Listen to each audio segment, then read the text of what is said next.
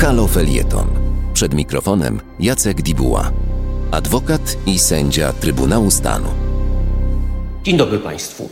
Ostatni tydzień obfitował wydarzenia związane z prawem. Oczywiście najważniejsze z nich to decyzja Trybunału Sprawiedliwości Unii Europejskiej, który orzekł, że Izba Dyscyplinarna jako organ niespełniający standardów niezawisłego sądu powinien przestać orzekać, a jego dotychczasowe decyzje nie obowiązują.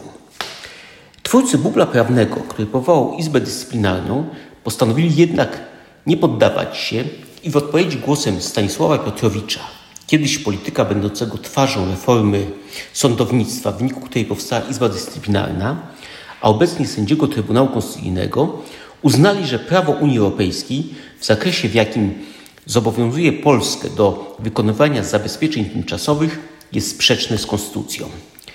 Pominijmy wartość prawną tego życzenia, bo ma, bo ma ono tyle wspólnego z prawem, co Pinokio z mówieniem prawdy. Mam jednak wrażenie, że Trybunał Konstytucyjny, zamiast pomóc rządowi, wydając to kuriozalne orzeczenie, w istocie przysporzył mu dodatkowych kłopotów. Przystąpienie Polski do Unii Europejskiej było uzależnione od tego, że polskie prawodawstwo zostanie dostosowane do wymogów Unii, tak by być zgodne z prawem unijnym. Niespełnienie tego wymogu może skutkować sankcjami wobec kraju, który warunku tego nie spełnia. Zatem konsekwencją orzeczenia Trybunału Konstytucyjnego winna być zmiana konstytucji. Jeśli tak się nie stanie, może to być powodem nakładania na Polskę sankcji, a także wstrzymywania programów pomocowych. To jednak szczegół wobec problemów, które spowodowała pani Małgorzata Manowska, pierwszy prezes Najwyższego, która powołując się na decyzję Trybunału Konstytucyjnego, podjęła decyzję o odnoszeniu działalności zawieszonej Izby Dyscyplinarnej. Pani prezes zapomniała, zapewne z powodu małego doświadczenia w pracach kuchennych, co się dzieje, jak się wyłącza zamrażarkę. Zatem należy przypomnieć pani prezes, że w takich sytuacjach wszystko zaśmiertnie, a w tym wypadku zaśmiertnie prawo. Konsekwencje jej decyzji są proste do przewidzenia.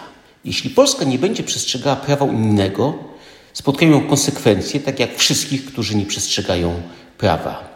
Pierwszym tego przejawem będzie ograniczenie programów pomocowych na odbudowę, bo przydział środków na ten cel uzależniony jest od tego, czy dany kraj przestrzega obowiązujących w Unii zasad prawnych. To będą konsekwencje działalności pani prezes dla nas jako społeczeństwa. Konsekwencje dla pani prezes zaczną się zapewne później. Jako osoba pełniąca funkcję publiczną ma ona obowiązek stosowania prawa, czyli respektowania decyzji Trybunału Sprawiedliwości. Jeśli świadomie tego nie robi, to wie, że niedopełnienie przez nie obowiązków spowoduje szkodę w wielkich rozmiarach. Zatem, jeśli tak się stanie, powinna za spowodowanie tej szkody odpowiadać. Co więcej, jeśli Izba Dyscyplinarna została zawieszona decyzją Trybunału Sprawiedliwości, to działanie osób wchodzących w skład tej Izby polegające na wydawaniu orzeczeń winno być traktowane w kategorii przekroczenia uprawnień, co wiąże się z ewentualną odpowiedzialnością karną. Jeśli zaś pani prezes odmrażając działalność Izby Dyscyplinarnej zachęci jej członków do wydawania orzeczeń, jej zachowanie może być oceniane w kategoriach podżegania do przekroczenia uprawnień przez funkcjonariusza publicznego. Co więcej, jeśli do wydawania takich orzeczeń dojdzie, Członkowie tej izby będą działać w sposób zorganizowany, występując w składach kilkuosobowych. To zatem może spowodować dokonaniem ustaleń, że w ten sposób zawiązała się grupa dążąca wspólnie i w sposób zorganizowany do popełnienia czynów zabronionych, polegających na przekroczeniu uprawnień przez funkcjonariuszy publicznych. Biorąc pod uwagę skład liczbowy Izby Dyscyplinarnej, może okazać się, że po reformie wymiaru sprawiedliwości przeprowadzonej przez dobrą zmianę Sąd Najwyższy stanie się zakładem pracy, którego procentowo największa ilość pracowników w stosunku do innych zawodów będzie przedmiotem zainteresowania prokuratury. Drugim ciekawym wydarzeniem ostatniego tygodnia było postanowienie prokuratury o umorzeniu postępowania w sprawie składania fałszywych zeznań przez Daniela Obajtka. Prokurator doszedł do wniosku, że w sprawie doszło do popełnienia czynu zabronionego.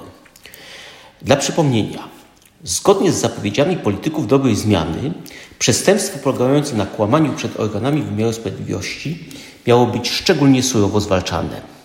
W tym celu zmieniono nawet prawo, podwyższając sankcje za takie czyny do 8 lat pozbawienia wolności. Sprawa ta stała się zatem probierzem szczerości składanych przez władze obietnic.